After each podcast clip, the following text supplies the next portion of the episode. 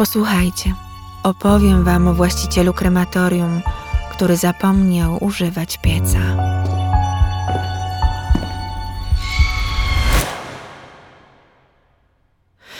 Na posesji znaleziono 339 rozkładających się ciał, upchanych w szopach, zatopionych w stawie oraz poukładanych jedne na drugich w betonowej piwnicy.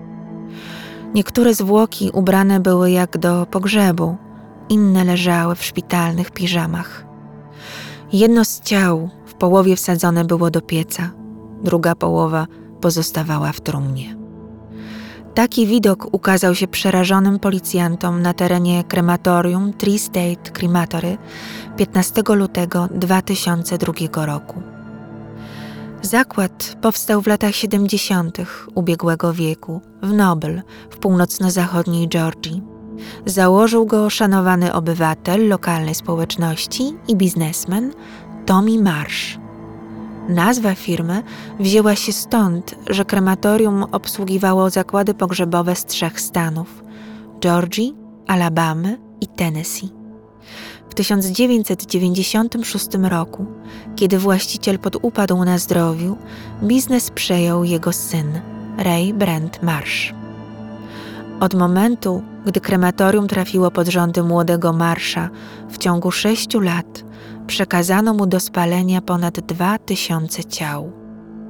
W ciągu 2000 i 2001 roku policja otrzymywała zgłoszenia, że na posesji widać leżące zwłoki, że psy znajdują ludzkie kości i inne tego typu mrożące krew w żyłach historie.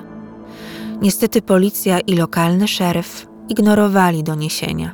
Dla nich wszystko było w porządku. Kiedy jednak anonimowy donos zwrócił uwagę EPA, Environmental Protection Agency, czyli Federalnej Agencji Ochrony Środowiska w Atlancie, wysłano inspektorów, by sprawdzili podejrzane miejsce. Pierwsze odkrycie, walające się na podwórku czaszka i prawdopodobnie ludzkie kości, wystraszyły inspekcje na tyle, że mężczyźni dość szybko opuścili posesję, by wrócić za jakiś czas z policją. Na samym początku opowieści przedstawiłam Wam, co zastali na terenie Tree State Crematory. Reporterzy różnych stacji telewizyjnych nie opuszczali okolic przez miesiąc, krążąc jak hieny wokół policjantów i techników pracujących na posesji marsza przy wydobywaniu zwłok w różnych stadiach rozkładu. Zapewne zadajecie sobie pytanie, jak marsz mógł funkcjonować i oszukiwać swoich klientów. Pracownicy zakładów pogrzebowych nie sprawdzali przez lata, co się dzieje z przekazywanymi ciałami. Nie było żadnych kontroli lokalnego sanepidu. Poza tym marsz oddawał rodzinom zmarłych urny. Nikt nie przypuszczał, że zamiast prochów ludzkich skrywają betonowy pył. I biznes się kręcił. Do dziś z 339 znalezionych ciał zidentyfikowano 226. Niestety badanie DNA mogło przydać się jedynie w tych przypadkach, gdy krewni porzuconych zmarłych jeszcze żyli. Nie wiadomo, dlaczego Marsz nie spalił tych ciał. On sam nie miał na to odpowiedzi w sądzie i przez kolejne lata więzienia. Przecież łatwiej byłoby je skremować, niż upychać gdzie popadnie. Piec działał, mimo iż początkowo mężczyzna upierał się, że jest zepsuty i to jest przyczyną zaniedbań. Do tych, którzy dziś przyszli tutaj po uzyskanie odpowiedzi, nie mogę wam jej dać. Nie mam wyjaśnienia. Mówił Ray przed zgromadzonymi w sądzie członkami rodzin, które oszukał, a zwłoki ich zmarłych porzucił jak śmieci. Obrona Marsza próbowała przekonać sąd, że on i jego ojciec byli ofiarami kontaktu z toksycznymi oparami rtęci pochodzącej z plomb dentystycznych w palonych zwłokach. Tego typu zatrucie skutkuje chorobą szalonych kapeluszników. Możecie ją również kojarzyć pod innymi nazwami eretyzm, rtęcica czy po prostu zatrucie rtęcią. Pierwsze określenie, którego użyłam, wzięło się stąd, że w XVII i XVIII wieku kapelusznicy zatruwali się wdychając opary rtęci używanej podczas filcowania.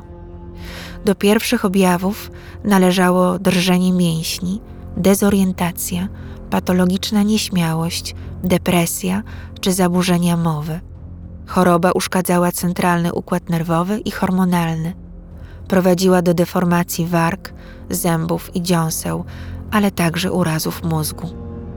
Czasami zatrucia były na tyle poważne, że doprowadzały do śmierci.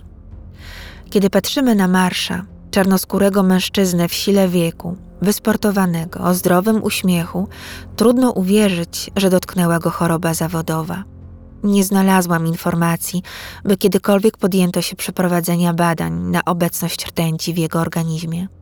Choć adwokaci upierali się, że owszem, piec był sprawny, ale wentylacja w krematorium już nie. Z powodu jej złego funkcjonowania obaj panowie Marsz mieli kontakt z toksyną. Druga sprawa przed sądem równocześnie toczyła się o wielomilionowe odszkodowania, którymi obciążono głównie domy pogrzebowe współpracujące z Tri-State Crematory. Zadawano przedsiębiorcom podstawowe pytania: czemu nie sprawdzali, jak działa krematorium i czy kremacje były przeprowadzone w prawidłowy sposób z zachowaniem zasad i szacunku dla zmarłych. Ostatecznie marsz został oskarżony między innymi o kradzież przez oszustwo, bezczeszczenie zwłok, oszustwa związane z prowadzeniem biznesu pogrzebowego i składanie fałszywych zeznań. W sumie przedstawiono mu 787 zarzutów. Groziło mu więzienie na tysiące lat. W 2004 roku skazano go na 12 lat. Opuścił więzienne mury w 2016 roku. Za kratami, wyobraźcie sobie, studiował teologię, uzyskał z niej nawet doktorat. Oficjalnie nie jest wolny, lecz przebywa na zwolnieniu warunkowym, które potrwa do 2091 roku, a więc stanowczo do końca jego życia. Jednym z warunków pobytu na wolności było zdobycie legalnej pracy. Ray w momencie wyjścia z więzienia winien był stanowi 8 milionów dolarów. Tymczasem w 2005 roku krematorium zrównano z ziemią. Teren pozostaje ogrodzonym, nieoznaczonym cmentarzem, miejscem pamięci tych, których nie odnaleziono, a zapewne ich szczątki spoczywają tam głęboko w ziemi. Jak słyszycie, kremacja nie do końca bywa bezpiecznym sposobem pożegnania się ze światem.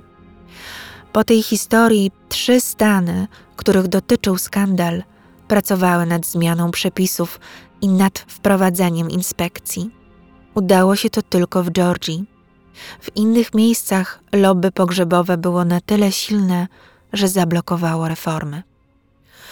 Dodam, że w Polsce również wciąż nie mamy odpowiedniego ustawodawstwa i systemu kontroli tego typu placówek.